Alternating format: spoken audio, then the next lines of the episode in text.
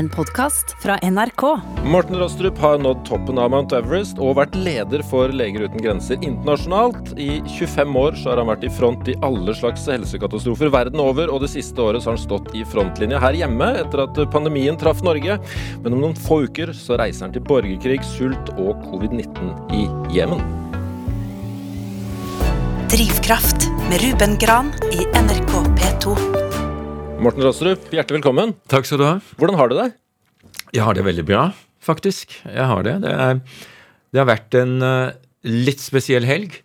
Uh, det har vært hyggelig sosialt, for så vidt. Men uh, jeg fikk jo en forespørsel på fredag om jeg var villig til å reise ganske snart til Jemen for å jobbe der. Jeg har jo fulgt landet Jemen gjennom lang tid, og jeg har sett den humanitære katastrofen. Det har vært det, faktisk en av de største vi har i verden i dag. Ja, De har vært gjennom mye? De har vært gjennom svært mye. Det er jo en borgerkrig som har pågått gjennom mange år.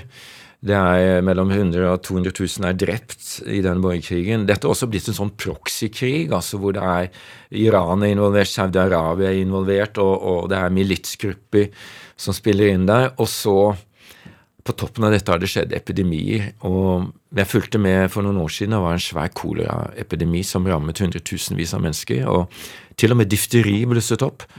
Uh, og uh, nå er det covid-19, da. Så det, er en befolkning som ja, er, det ikke, er det ikke grenser for hvor mye noen mennesker kan bli rammet?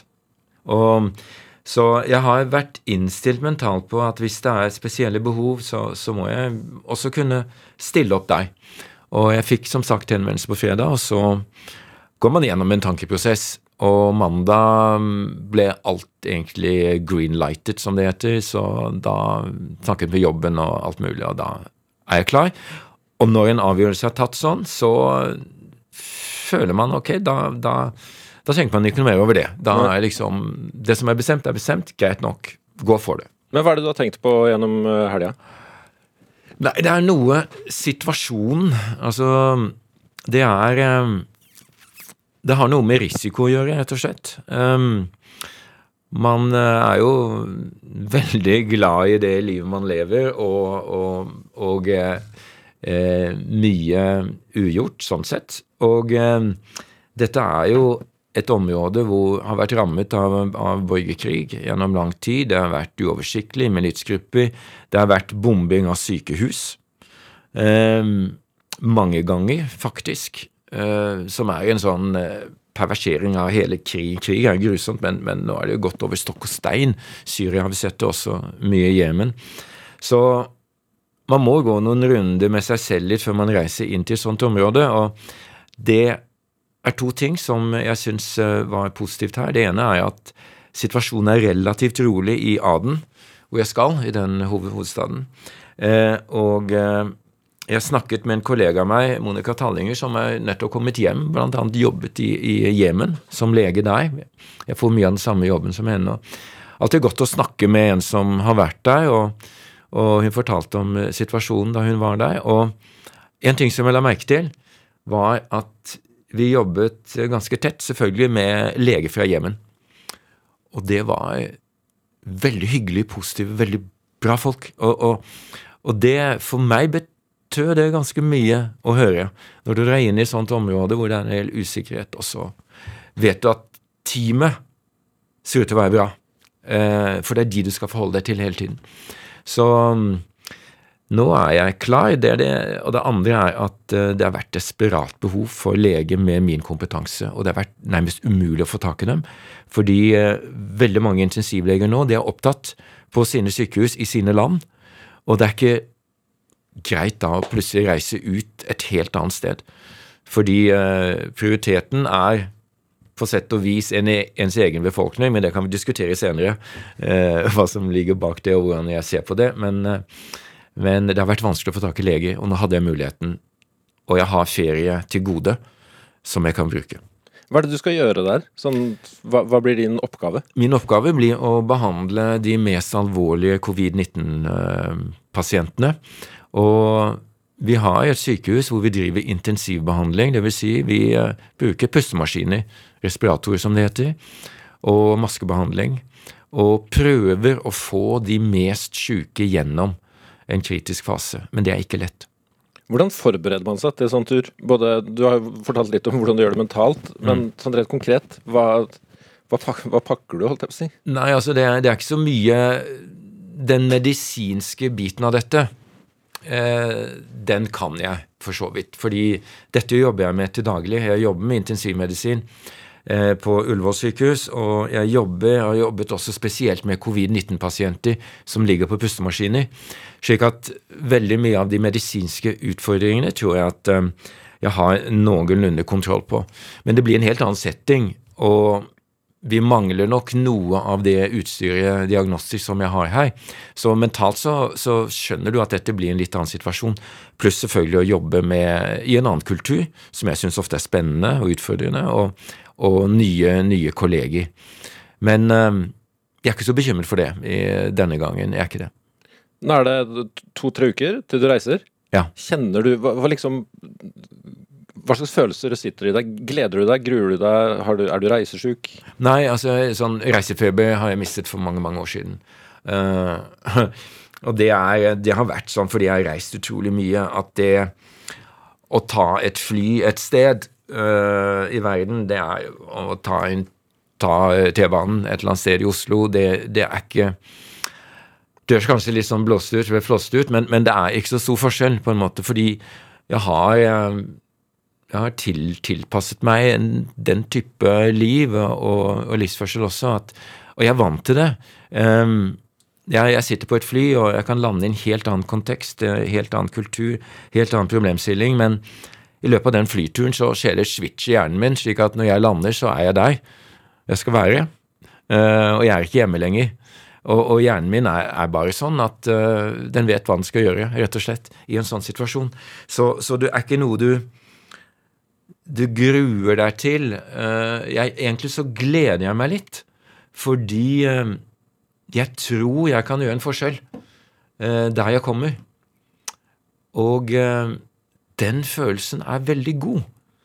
Um, og det er, det, er, det er, vanskelig å forklare alt dette både fordi det er en blanding av det rasjonelle og emosjonelle, og det er, det er, noe med hvem du er. Og av og til føler jeg at jeg faktisk eh, gjør ting som er helt i harmoni med den jeg er. Dette er meg. Og, og det, er faktisk en, en god følelse. Selvfølgelig er det spennende også. Du kaster deg ut i noe nytt. Jeg har aldri vært i Jemen før. Eh, jeg har, ikke, jeg har jobbet med kritisk syke pasienter mange steder, men kanskje ikke på denne måten. Og jeg vet ikke helt eh, hva som venter meg. Men det er også noe av det jeg liker, faktisk. Jeg behøver ikke å vite hva jeg går til. Tvert imot så kan det at jeg ikke vet hva jeg går til, være noe som jeg eh, av og til foretrekker, fordi da har du ikke forventninger heller så mye. Eh, og da må du bare gripe fatt i det der og da. Du har funnet deg sjøl, du? Ja, altså, jeg, jeg, føler vel jeg har det. Ja, det skjønner jeg. Altså, jeg, jeg, jeg føler meg veldig privilegert, altså, fordi um, livet har jo tatt en helt annen retning enn det jeg trodde uh, da jeg var ung. Altså var jo, jeg var jo inne i en veldig tradisjonell uh, måte å tenke på til å begynne med, leve på, men det er liksom det å kjenne på hvem man er, uh, og tørre å kjenne på det selv om den, det svaret man får, er kanskje ikke det som man selv hadde forventet, eller som mange andre forventer, på mange måter. Og så likevel Ja, men sånn er det. Uh, sånn er jeg. og og eh, gå for det. Og det er en blanding av mye. Det er ikke den rasjonelle biten av deg nødvendigvis. Eh, det er din erfaring, det er din personlighet, det er hvordan du er følelsesmessig, alt hvordan du er skrudd sammen. Og så ta og føle på Ja, hvordan skal jeg leve et liv? Um, man kan se på hvordan andre lever sine liv, og det kan være modeller. Man kan tenke sånn levde mine foreldre, sånn lever mine søsken og mine venner. men skal jeg leve sånn? Mm, kanskje, kanskje ikke. Men tør å ta den prosessen og tenke gjennom det. Mm. Det muligens eh, kommer vi tilbake til. Eh, for det siste året så har du jobba i Norge. Ja. Ehm, hvordan opplevde du det da pandemien var et faktum her? Det var, det var litt spesielt helt til å begynne med. Fordi jeg fulgte jo med hva som skjedde i utlandet. Jeg ble urolig da jeg så hva som skjedde i Kina.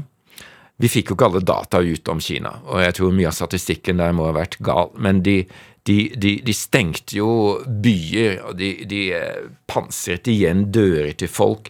De bygget svære sykehus på rekordtid. Dette er stort.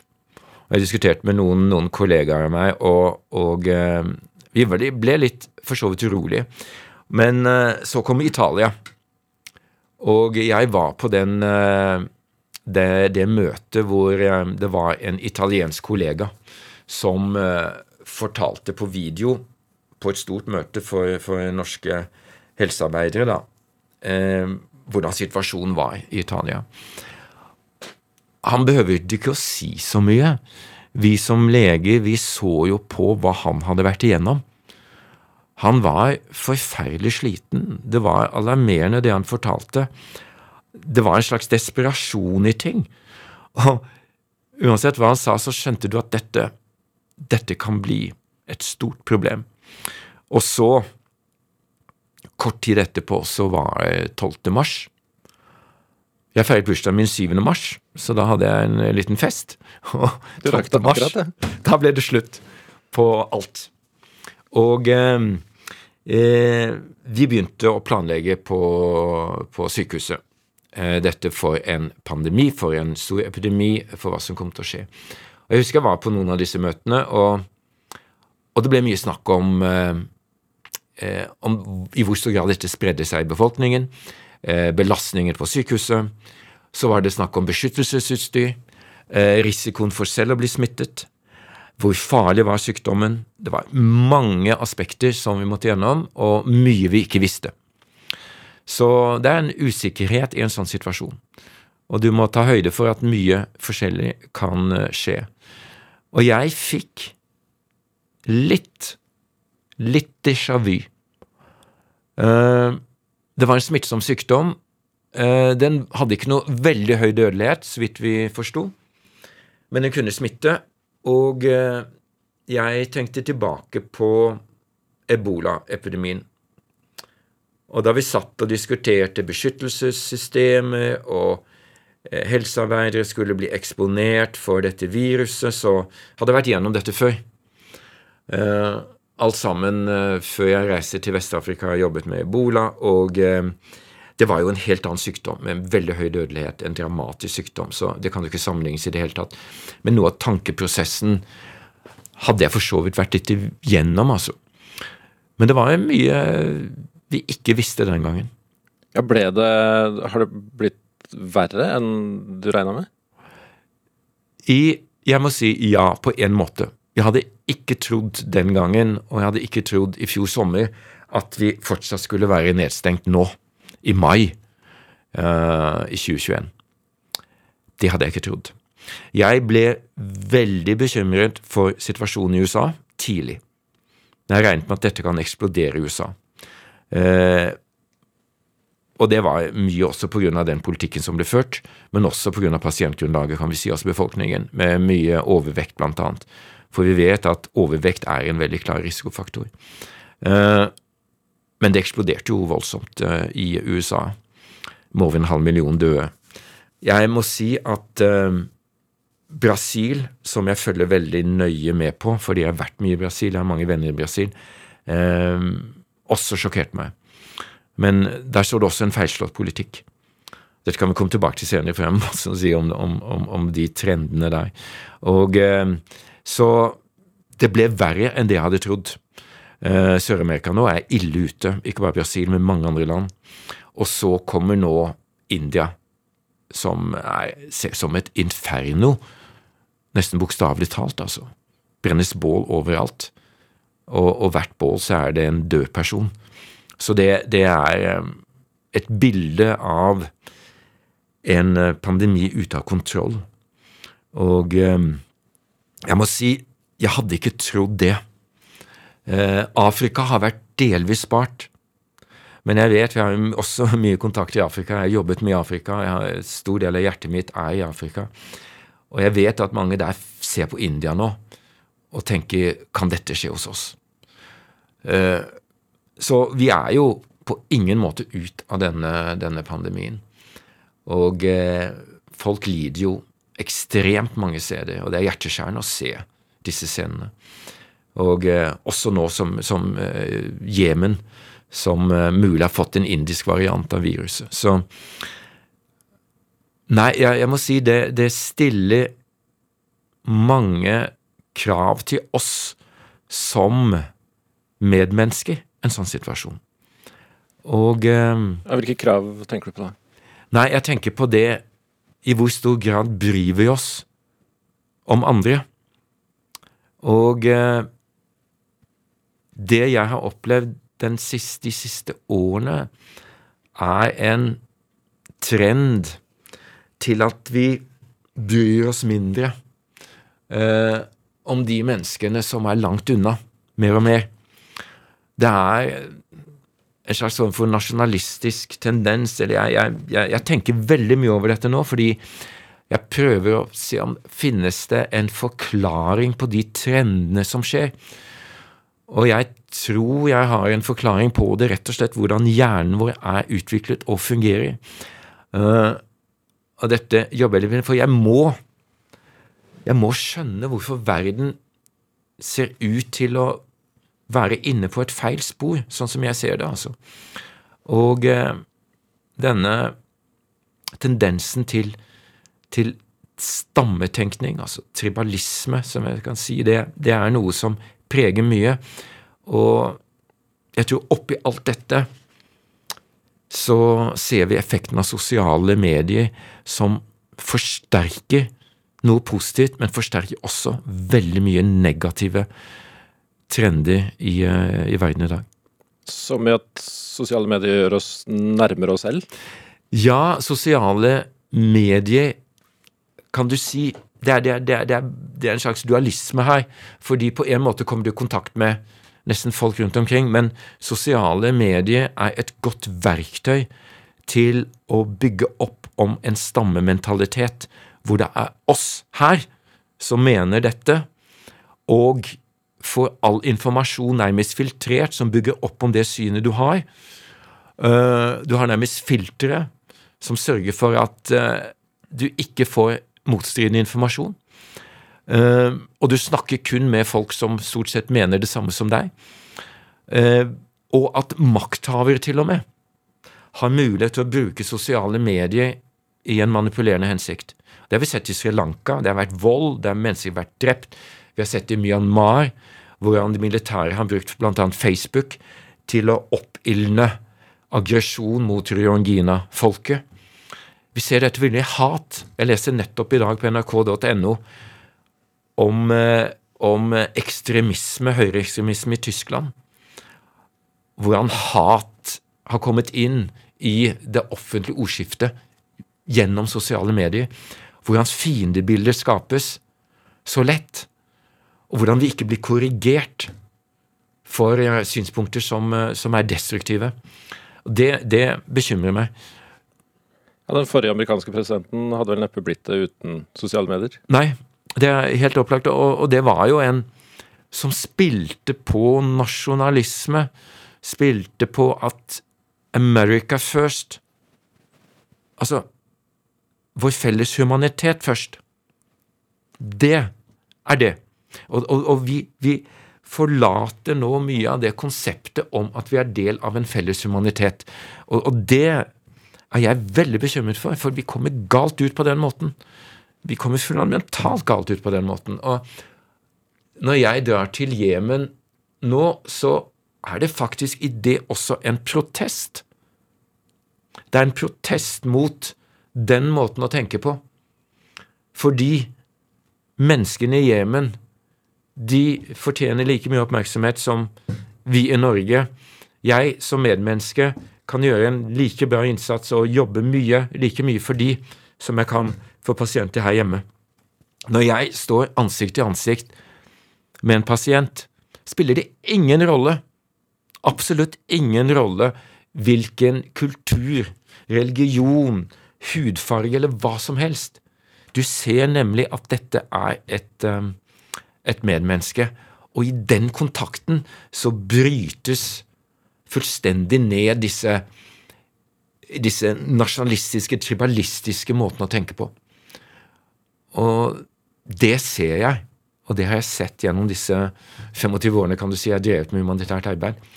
Og det har jeg lyst til å formidle, fordi det er en, en måte å komme ut av uheldige trender på, um, syns jeg.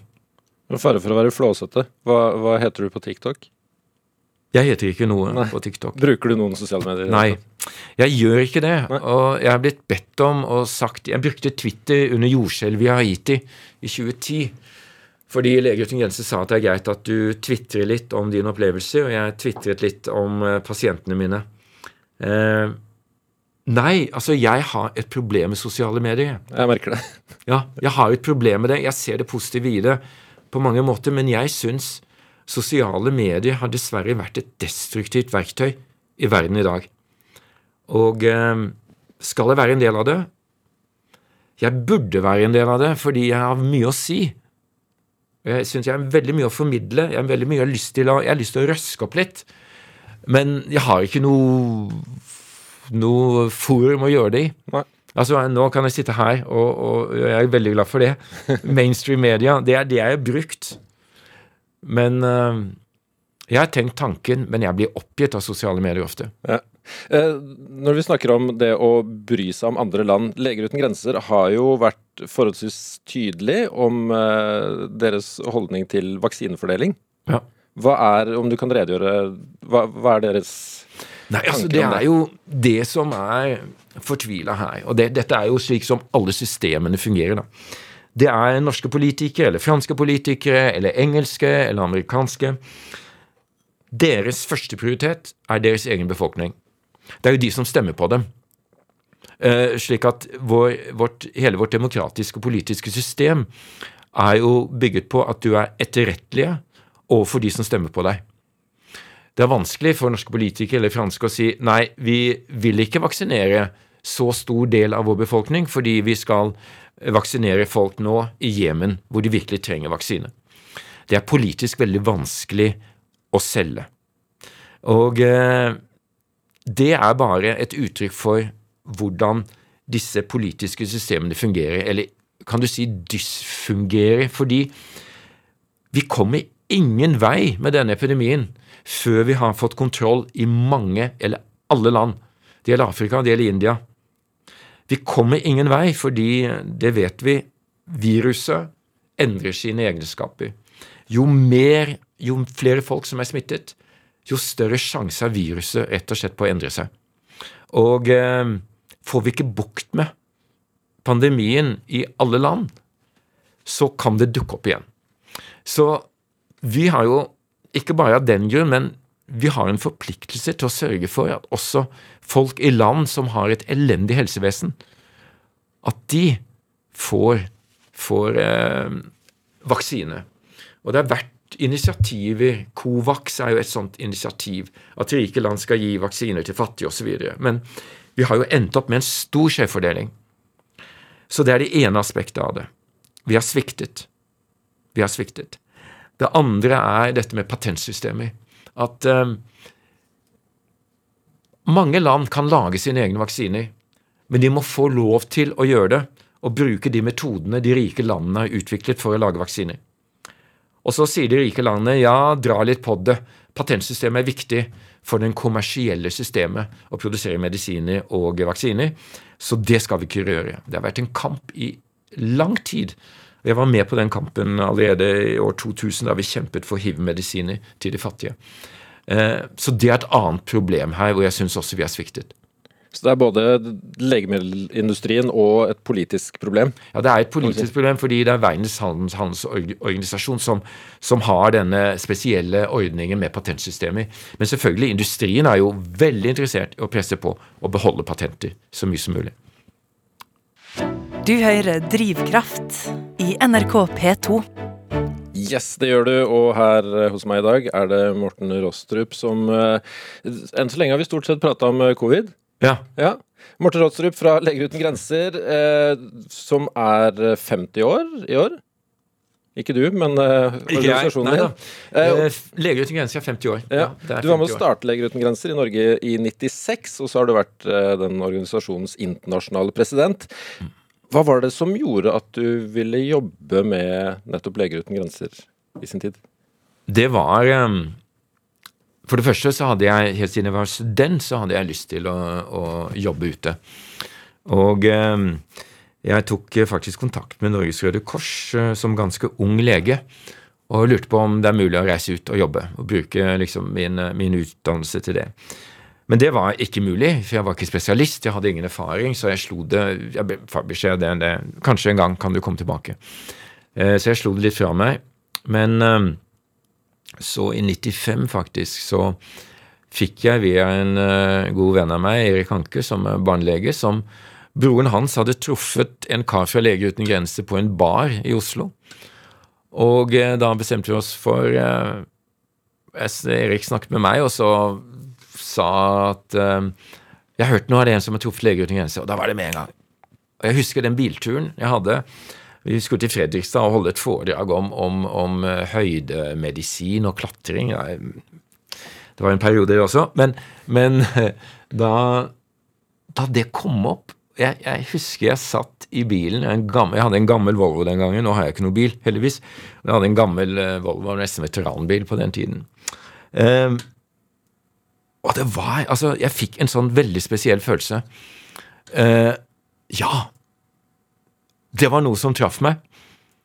Og så sitter den bilen, og så uh, hørte jeg at Erik prater om dette. Det, det, det var noe som virkelig gikk inn i meg, altså. Her var det endelig. Det var liksom noe sånn forløsende i det. Og uh, med en gang vi kom tilbake til Oslo Ja, vi må få kontakt med denne fyren fra Belgia. Og, og eh, vi eh, møtte da på på det som ble vår Stam eh, Palace eh, Bar og Grill eh, nede ved Solli plass, som ble, var et veldig kult sted den gangen. Så vi, vi møttes der. Og eh, eh, det var akkurat skiftet til sommertid til vintertid, så vi kom en time for seint, for han hadde ikke skjønt at vi skiftet vintertid. Da. Men da ble det Det ble kjærlighet ved første blikk, for å si det sånn. Og det var noe at jeg følte at her var det spennende. En ting Endelig kan jeg få reist ut og jobbe som lege. Det hadde jeg drømt om lenge. To eh, Vi skal bygge opp en organisasjon i Norge. Vi skal starte Leger uten grenser i Norge. Helt fra scratch. Med hjelp fra, fra den belgiske avdelingen. Så Ragnhild Lindgaard, som var en sykepleier, hun hadde jobbet ute med Leger uten grenser i Liberia. Hun hadde erfaring, det hadde ikke jeg. Og Erik eh, og jeg vi, vi startet da Leger uten grenser for 25 år siden. Og eh, så ble jeg den første leder av Norges norske seksjon. Og så balte det på seg hele tiden. Og det var to parallelle prosesser. Bygge opp en organisasjon i Norge, være med på det. Veldig spennende. Og så endelig komme ut. Det gnistrer av deg når du prater om dette her. Ja, ja men Ja. Det, dette er altså det, Var det, god, var det en fin tid? Hva? Var det en fin tid? Ja, det var en veldig, veldig fin tid, men vi, vi var jo ikke profesjonelle i det hele tatt. ikke sant? Vi, vi hadde jo mye kontakt med media. Vi visste jo ikke hvordan vi skulle håndtere media. Vi hadde pressekonferanser og hadde ikke noe særlig peiling på sånne ting. Men eh, nei, det var en veldig spennende det var sånn eh, Og det jeg liker, å gå inn i det ukjente, som sagt. altså. Dette var et nytt eh, Noe nytt i livet å være med på fra starten av. Og det er jo en veldig tilfredsstillende å være med på det. Og, og så Det første oppdraget jeg hadde, var i Kongo, borgerkrig i Kongo. Jeg kom først i Rwanda. Og så møter teamet der. Og det var jo spesielt. Vi jobbet på et lite feltsykehus, og vi fikk lastebillass med pasienter som vi sto og tok imot lastebiler fulle av pasienter. Altså, og gjorde en sånn triasje, som vi sier, vurderte hvem som skulle, skulle få behandling først. Og jeg møtte teamet der, og det var en sånn intens følelse av å være hjemme. Det er merkelig å skjønne det kanskje for andre, men, igjen, altså Det var noe det, det, treffer noe fundamentalt i deg. Og det, det gir en veldig god følelse. Også folkene jeg jobber sammen med. De lokale helsearbeiderne. Den livsbejaende holdningen mange hadde i en desperat situasjon. Så du følte deg på plass fra første oppdrag? Ja. Rett og slett. Hvilke opplevelser fra den første turen eh, er det som liksom sitter spikra i deg? Du nevnte jo busslast, men eh, Ja. Nei, det var Jeg husker vi um, Det var en, en, kveld Vi jobbet veldig seint på det sykehuset, hadde fått inn mange pasienter. Mange barn. Gamle. Og da mørket kom, og det var sånn i ni-ti-tiden vi måtte tilbake til uh, huset Det var et stykke å reise i en sånn uh, liten Land Rover, og vi sitter der tett i tett i tett, uh, vi som hadde jobbet der, og uh, går gjennom disse checkpunktene. Og så um, plutselig er det en av sykepleierne som begynner å gråte. Bare helt sånn spontant begynner å gråte. Og plutselig, altså, så sitter vi alle i den bilen, humper på den veien og gråter. Det begynte å dugge på vinduet omtrent. Det var Det var bare noe som rett og slett måtte ut. Det var Vi hadde holdt tilbake en god del følelser i jobben vår, som du må gjøre, forstått Men det ble en sånn utløsning der på, på, på veien, og, og, det gjorde ganske sterkt inntrykk. Men eh, ellers var det pasientene mine, altså. Den lille gutten som lå i koma i fem døgn med hjernemalaria. Tidvis kramper. Jeg trodde han kom til å dø. Og sto på hele tiden. Og han overlevde. Og han uh, kom seg og begynte å leke rundt heltene. Jeg skulle egentlig skrive ham ut, men jeg husker jeg beholdt ham et par dager ekstra i sykehuset fordi hver morgen jeg kom, uh, så så jeg ham leke litt rundt heltene. Han var bare et symbol på på det man kan få gjort, altså. Og det var veldig opp, oppmuntrende i en ofte vanskelig situasjon. Ja, hvor, godt forberedt var du på å møte det der? Jeg, altså, jeg har aldri vært i nærheten, men jeg må se for meg at det må være et vanvittig hardt møte med en litt annen realitet enn man er vant til. Ja, det er det. Det er um, det, det har vel noe Jeg startet jo med dette arbeidet relativt sent. Altså, jeg hadde mye klinisk erfaring fra før. Ja, hvor, hvor, gammel var du da du dro ned første gang? Jeg var vel um, Ja, hvor mye ble det? Jeg var uh, 38 år. Så jeg hadde jo en god del erfaring. Så jeg hadde jo sett mye. Jeg hadde jo opplevd mye medisin, mye akuttmedisinske situasjoner. Eh, og du lærer deg på en eller annen måte til å være noe profesjonell der og da. Det må du være. Til en viss grad. Du, du, blir jo revet med av og til også. Eh, og det er naturlig, men uh, ikke på en måte som gjør at du ikke klarer å handle riktig. Det er en balanse der. Men uh, jeg klarte vel å finne den balansen da jeg var der. Og ikke alle gjør det. Noen kommer ned og føler det så overveldende og så vanskelig at de, de fikser det rett og slett ikke. Og jeg har vært med på folk som må reise hjem fra felt fordi det blir for overveldende. Det er, de ser ikke meningen, det, blir, det er for mye. Det, er, det, vi gjør, er en dråpe i havet. Uh, men for meg, den dråpen, det kan være et medmenneske som overlever. Hvilke fordi egenskap? vi er der. Mm. Hvilke egenskaper er det du har som gjør at du takler det så innmari bra? Ja, jeg vet ikke hvor bra, men jeg tror det er noe at du ser tross alt det positive i det du får gjort. Og jeg tror også mitt fokus på det som er kanskje kjernen i humanitærmedisin, det er det å se medmenneskene som medmennesker, som det de er. Og ikke nødvendigvis tenke på det store, håpløse bildet, men du kan se en pasient i øynene som du har vært med på å redde livet på. Altså, det er Det, det holder deg oppe uansett, nesten, hva som foregår. Du må kunne ha det fokuset. Ser du verden totalt sett, så kan man jo føle en veldig håpløshet. Uh, og det blir vanskelig. Men så lenge du klarer å komme ned på det enkle, medmenneskelige nivået, så tror jeg det er lettere å, å klare det. Hvordan har uh, det å jobbe som hjelpepersonell i konfliktområder forandra seg siden du begynte med det? Det har blitt en endring, sånn som jeg har opplevd det. i hvert fall. Fordi uh, da jeg dro til Kongo og senere jobbet i, i, Sudan og jeg jobbet i Angola og forskjellige borgerkrigssteder, bl.a. i Afrika. Og til og med da jeg var i Afghanistan i, eh, i 2001, eh, rett etter 11. Eh, september, så fikk jeg beskjed om at du kan være trygg i krigssone, relativt trygg. Sykehuset er det tryggeste stedet du kan være. Så det var jo slik vi tenkte den gangen. Du er en helsearbeider. Det blir respektert av krigførende parter. Sykehuset er beskyttet, Genévekonvensjoner osv.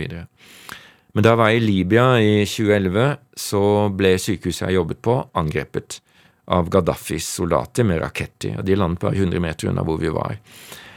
Og blodbanker ble ødelagt. Ambulanser ble skutt på. Eh, bårebærere ble skutt idet de bærer pasienter inn på sykehuset, av snikskyttere. Det var en total brutalisering. Og da så jeg, kanskje for første gang, at det å hindre folk legehjelp faktisk er blitt en, et våpen i krigen. Senere så vi det i Syria. Bombing av sykehus. Og det vi også sett da, som jeg har sagt, i Jemen. Så det har endret seg. Og det er noe med Men den generelle tendensen også at respekten for menneskeliv, altså, den er jo omtrent ikke til stede i, i krigen, men den er blitt enda verre nå en sånn brent jords-taktikk hvor man ødelegger all infrastruktur. Bevisst bomber sykehus. Det må jo gjøre jobben deres ekstremt mye vanskeligere. Ja. Det blir veldig vanskelig, og mange steder kan vi ikke være til stede. Og lokale leger og sykepleiere som vi da støtter, gjør en heroisk innsats. Syria, fantastisk innsats, det de har gjort. Vi, vi, vi, kunne ikke forsvare å sende inn internasjonale medarbeidere til noen av disse stedene. Det er for farlig. Men der jobber det folk, altså jobber lokale og, og, står på. Og det er imponerende. og Jeg har jo blitt kjent med flere av dem. Når er du redd, da? Det er eh, Det skjer, selvfølgelig. Og eh, da rakettene rammet sykehuset vårt i, eh, Libya, så, så, var jeg redd. altså. Jeg krøp jo sammen langs veggen og liksom la hendene over hodet som som et lite barn som skulle unngå å bli slått. Det har nesten Man fikk nesten en regresjon på den måten. I Bagdad, da vi jobbet der et lite legeteam, og George Bush, USA, bombet jo Det slapp vel 13 000 bomber i løpet av en seksukersperiode. Og eh, vi var der, og eh, vi trodde jo alle at det var eh, kjemiske våpen, biologiske våpen der og var redde for at det skulle bli et ragnarok i Bagdad eh, idet amerikanerne skulle komme. Og to i, vårt team ble arrestert av sikkerhetspolitiet av Saddam Hussein en natt jeg var på sykehuset. Da ble vi redde. Og det ble det var uh, veldig intense, intense dager, altså. Og rusete barnesoldater Du vet ikke helt hva som foregår i hodet på dem. Men jeg har vært heldig. Jeg har ikke vært utsatt for um, direkte vold. Eh, jeg har ikke blitt kidnappet. Jeg har ikke vært uh, utsatt for gunpoint. Og jeg vet mange, mange av mine medarbeidere har vært utsatt for det. Så jeg har vært heldig. Jeg vet ikke helt hvordan jeg hadde taklet en sånn situasjon. Du har holdt, vært utsatt for dette her i, i 25 år. Hvordan har det påvirka deg? Nei, jeg tror eh, man blir veldig glad i livet rett og slett. Mm. Det høres kanskje rart ut, men om man føler seg så uendelig privilegert Fy søren, altså. Jeg lever i dette landet, og vi har det så bra. Og jeg tenker veldig ofte over det. Nesten hver kveld jeg går og legger meg. Trekker dynen over, over meg. Det er godt og varmt. Jeg har ly for vær og vind. Det er ikke noe skyting, det er ikke noe usikkerhet, det er ikke bomber. der. Jeg må ikke flykte dagen etter. Jeg tenker ofte på det, og føler jeg er veldig takknemlig. Så, så du blir glad i det livet du har, uten nødvendigvis å ha for mye dårlig samvittighet for at du har det livet. Det, det er litt vanskelig eh, kanskje, kanskje, å se. Og det andre er at eh, Hva slags problemer er det vi går rundt med i livene våre? Hva er det vi hisser oss opp over? Hva er det vi syns er forferdelig? Og hva er det vi maser om? Og Der kommer også sosiale medier inn, hvordan folk eh, bruker masse tid og energi og aggresjon på bullshit, syns jeg. Altså, Få litt perspektiv på ting. Men det er veldig lett for meg å si, fordi vi lever jo alle våre liv, og vi har alle våre referanserammer. Og jeg har jo en eksepsjonell referanseramme ut fra det jeg har vært med på. Og jeg kan ikke kreve at andre skal forstå det eller ha en tilsvarende referanseramme. Men for meg så, så, så blir det jo litt rart å, se hvordan folk har det, eller hvordan folk reagerer på ting. Men for andre kan det bli provoserende å se på meg. Ja, men du må reagere på dette, ikke sant? Ja, men er dette noe å reagere på, liksom? Vi har det jo bra. Vi har masse mat, og vi har det ålreit i vårt system og i vårt land osv. Skal, eh, nå skal du ta oss med på en liten tur til, eh, til, et land eh, jeg har inntrykk av at du er veldig glad i, Brasil. Ja, ja. Og du skal gjøre det med, sammen med Elis Regina. Hva, hva, er det, hva, er det, med denne sangen her som gjorde at du ville ta du, det? Jeg, jeg har hørt denne sangen mange ganger. Jeg ble kjent med sangen i Brasil. Jeg har jo vært der mye. Og det er på en måte et sted hvor jeg unnslipper det meste. Jeg, eh, jeg er eh, Jeg er der for å slappe av, rett og slett. Jeg har jo venner der, og eh, spesielt i Bahia, i Salvador Bahia, som er den østlige delen, hvor du har den mest afrikanske delen av Brasil. Hvor det er en sammensmeltning av latinamerikansk kultur, afrikansk kultur. Og det påvirker eh, folket, musikken og rytmene. Uh, så jeg kjenner jo mye, for jeg har jobbet masse i Afrika. så jeg, det, var mye, mye som traff meg. Og så ble jeg kjent med brasiliansk musikk, og ble veldig forelsket i brasiliansk musikk. Uh, den populære brasilianske musikken.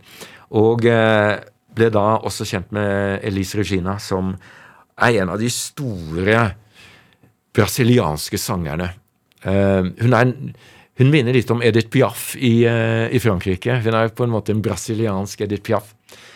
Men led en veldig trist skjebne. Uh, døde 36 år gammel. Da alkoholisert og, og med overdose av, av kokain og, og, og, beroligende. Så det var en veldig trist tre ekteskap bak seg osv. Men hun sang denne sangen Como Nossos Paris, som er um, jeg, jeg, Teksten har ikke vært det jeg har vært opptatt av, selv om det er en lyrisk tekst. Og eh, lyrikken i Brasil, den lever mye gjennom musikken. Det er der liksom poesien er mye. Og dette er uh, som, uh, som, våre foreldre var, liksom. Så det er, det er ting ikke, som ikke resonnerer helt. Men, men musikken er veldig spennende fordi den er så allsidig. Altså, den er så variert. Du har liksom den rytmiske, litt sånn kraftfulle, og så plutselig går det over i en sånn eh, duvende, myk eh, variant. Og så kommer det igjen. Det, det er litt som å leve et liv, altså. Eh, med alle de forskjellige fasettene. Så i Drivkraft nå, på P2, så tar vi en tur til Brasil sammen med Elis Regina og Morten Rostrup. Não quero lhe falar, meu grande amor, das coisas que aprendi nos discos. Quero lhe contar como eu vivi e tudo o que aconteceu comigo. Viver é melhor que sonhar. Eu sei que o amor é uma coisa boa mas também sei que qualquer canto é menor do que a vida de qualquer pessoa. Por isso, cuidar do meu bem, há perigo na esquina. Eles venceram e o sinal está fechado para nós que somos jovens.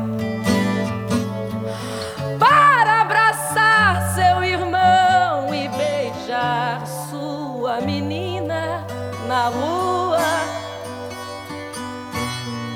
É que se fez o seu braço, o seu lábio e a sua voz.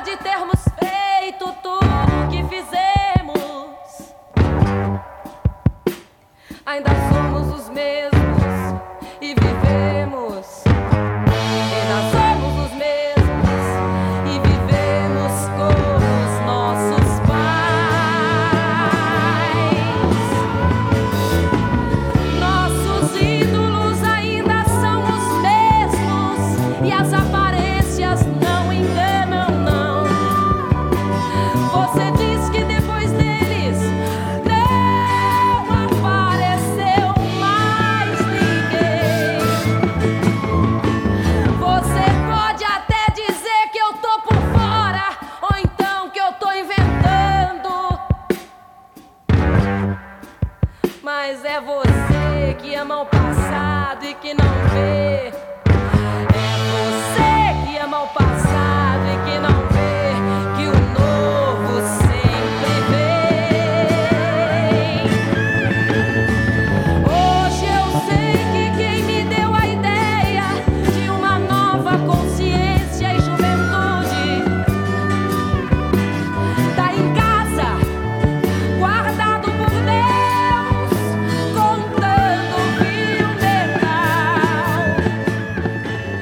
Er Elis Regina du hører på P2 nå her i Drivkraft. Og det er Morten Rostrup som har uh, tatt med seg den eh, til stort engasjement her i studio blant alle sammen. Du, du, du snakka om underveis her at eh, du kjente deg igjen i noen, noen, deler av det, men kanskje ikke hovedpoenget? Ja, altså jeg, jeg, den teksten har jeg aldri eh, satt meg så veldig inn i, fordi det er musikken som har drevet meg. Og jeg er veldig sånn jeg er veldig følsom for musikk. Eh, hvis jeg hører spesiell musikk, så kan jeg bare gå opp og danse og bare full feste. Eh, og, og, hvis jeg hører litt mer sentimental musikk, kan jeg bare sette meg ned og gråte, og det kommer bilder fram. Og jeg syns det er helt ålreit. Uh, sånn må det være. Men jeg, når jeg er ute og gjør ting, så kan jeg ikke lytte på musikk. Hele, hele tiden, fordi jeg blir så oppildnet av det. Jeg satt på fly en gang Eh, med sånne øretelefoner som er støy, støydempende, og begynte å høre på musikk. Men jeg begynner med en gang å bevege meg. Og, altså jeg, det, det, er et eller annet eh, som er litt pussig, da. Men, eh, og mine venner kjenner meg veldig godt. altså Jeg, jeg er oppe og danser hele tiden når jeg hører sånn musikk. Eh, men det er noe med, med å være livsbejaende, altså. For det er hele tiden en glede over hva man har. Men eh, teksten blant annet sier, sier hun å leve er bedre enn å drømme. Og det, Jeg, jeg syns jo det å drømme er, er viktig. Uh, men det å leve ut drømmer, det er jo det optimale. Da drømmer man, og man lever. Uh, og jeg har vært så heldig at jeg har fått levd ut uh, mange, mange drømmer, egentlig, på mange måter. men så er det det at vi er fortsatt de samme, og vi er akkurat som våre foreldre.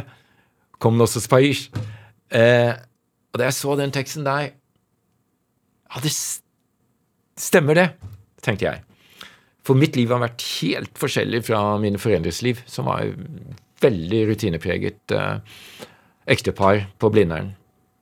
Ja, Hva slags hjem er det du vokste opp i med det? Ja, jeg vokste, Du kan si at uh, nøkkelord er et veldig stabilt hjem. Og preget av forutsigbarhet.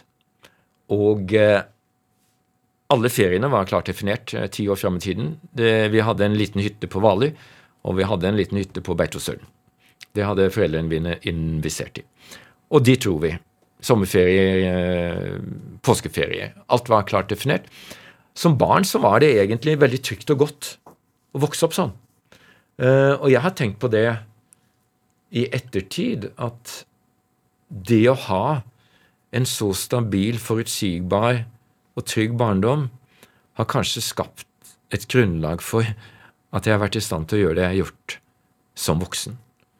Um, for jeg tror hvis du helt fra starten av har med deg mye mye uro og lite stabilitet på en måte, så kan det bli vanskelig for deg, iallfall for noen, senere å gi seg kast med, med situasjoner som er preget av uh, usikkerhet. Ja, At man søker det motsatte?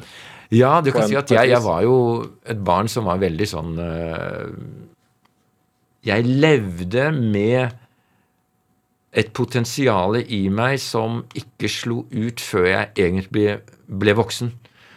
Og jeg hadde jo som på barneskolen drømmer om Afrika. Jeg var så fascinert av Afrika. Selvfølgelig de ville dyrene er jo alle barn eh, opptatt av, men jeg hadde en svær Afrikabok med alle de forskjellige stammene, hvordan menneskene så ut. Veldig fascinerende. Så jeg hadde en drøm om å reise til Afrika allerede da jeg gikk eh, i første og annen klasse på, på, på skolen. Og eh, så da jeg ble tidlig voksen, da, rundt 20 år gammel, så dro jeg på min første store tur ut i verden. Da loffet jeg rundt sammen med en kompis eh, i Afrika i mange måneder. Startet helt nord i Egypt og endte opp eh, gjennom Egypt, Sudan, Kenya, Tanzania. Og det var en sjelsettende tur. Da var jeg drømmen, blant annet snøen på Kilimanjaro. Jeg var jo fascinert av barn. Det er snø i Afrika! Altså, kan det være snø i Afrika? Det, det var utenkelig. Så jeg var fascinert. Jeg måtte jo opp dit. Eh, jeg leste Hemingway også, eh, om snøen på Kilimanjaro. Det var veldig fascinerende. Og, og, det ble et vendepunkt, på sett og vis, i, i det at jeg måtte ut.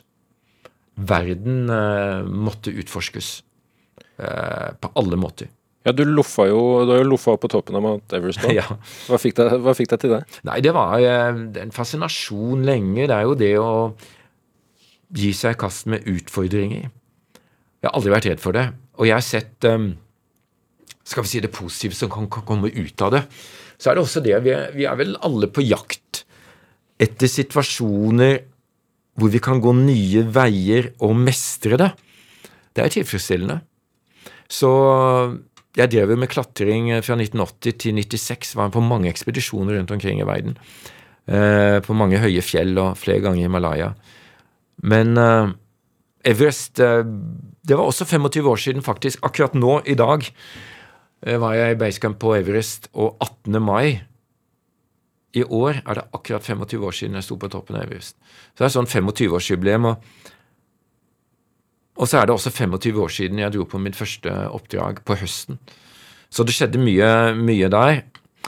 Men for meg ble Everest et møte med også mangel på humanisme, i det en del klatrere ble forbigått av et team uten at de ble hjulpet, og de døde. Det var jo den, det året som var det verste på Everests historie. da. Det var jo mange som døde en stormfull natt. Og, og vi var jo vitner til noe av det. Vi, vi hjalp jo til så godt vi kunne. Men, men så tenkte jeg ok, nå tar du en stor risiko. For hva? Ok, du kommer deg på toppen av verdens høyeste fjell, det er prestisje kanskje knyttet til det, det er flott, og, for, og så flott. Men hva har du bidratt med? Har du bidratt med noe positivt? Og, og, og det er ting som egentlig jeg, jeg har tenkt mye på, og mye av det også jeg opplever gjennom den jobben jeg gjør, for Leger uten grenser, eller også den jobben du gjør vanligvis, og, og det vi alle mennesker kan gjøre, nemlig hvordan kan vi bidra positivt i andre menneskers liv. Så enkelt er det. Og det er mange ting vi kan gjøre. Og det som er fascinerende, er jo hvor godt det er å gjøre det. For sånn er vi mennesker sammenskrudd. Sånn er også hjernen vår fungerende. Fordi det å ta vare på hverandre og det å bidra positivt i andre menneskers liv, det gir oss en god følelse, og sånn skal det være. Det er liksom Det er dypt i oss. Og eh, jeg fant vel ut at eh, jeg kunne bidra positivt på en ekspedisjon, men, men eh, hvis jeg var villig til å gå de veiene, utsette meg for den risikoen, hvorfor ikke kanalisere dette enda mer direkte i å hjelpe andre mennesker? Og Derfor ble det en sånn overgang. Hva er, hva er drivkraften din? Det er Noe av det jeg sa nå, er jo det å Man ser at det å prøve, iallfall det å kunne bidra positivt i andre menneskers liv, det er eh, Det er en sånn drivkraft, fordi det, det er Du ser at dette er noe av det å være menneske, rett og slett. Altså Du kommer dypt inn i det å være menneske, og det å være et medmenneske. Og det er drivkraft. En annen ting er jo det at jeg eh, har jo vært en eventyr på sett og vis, men jeg er Jeg pirres og drives av det ukjente. Det også når folk sier 'dette er umulig, dette kan man ikke gjøre', så liksom, stikker en sånn liten uh, sak i meg som sier 'jo, men kan man ikke gjøre noe med dette', og, og gå for det? Den følelsen jeg har hatt noen ganger. Det er som et lite barn uh, av og til når voksne sier at uh, 'du skal ikke gjøre dette, du skal ikke gjøre det', og du tenker 'ok, kanskje jeg skal gjøre det likevel'. Men tiden får jo dessverre ikke gjort noe med, Morten Ostrup Nei, det Tusen takk for praten. veldig hyggelig. Og hvis du vil høre mer Drivkraft, så gjør du det i NRK-appen eller der du laster ned podkast. Du må gjerne maile oss drivkraft fra nrk.no. Og produsent og støtte i dag har vært Ellen Foss Sørensen. Jeg har vært eh, Ruben Gran. Ha det godt. Vi hørs. Du store alpakka! Før så samla vi oss for å høre på radioen. Nå lytter vi på hva vi vil, når vi vil, og mest for oss sjøl.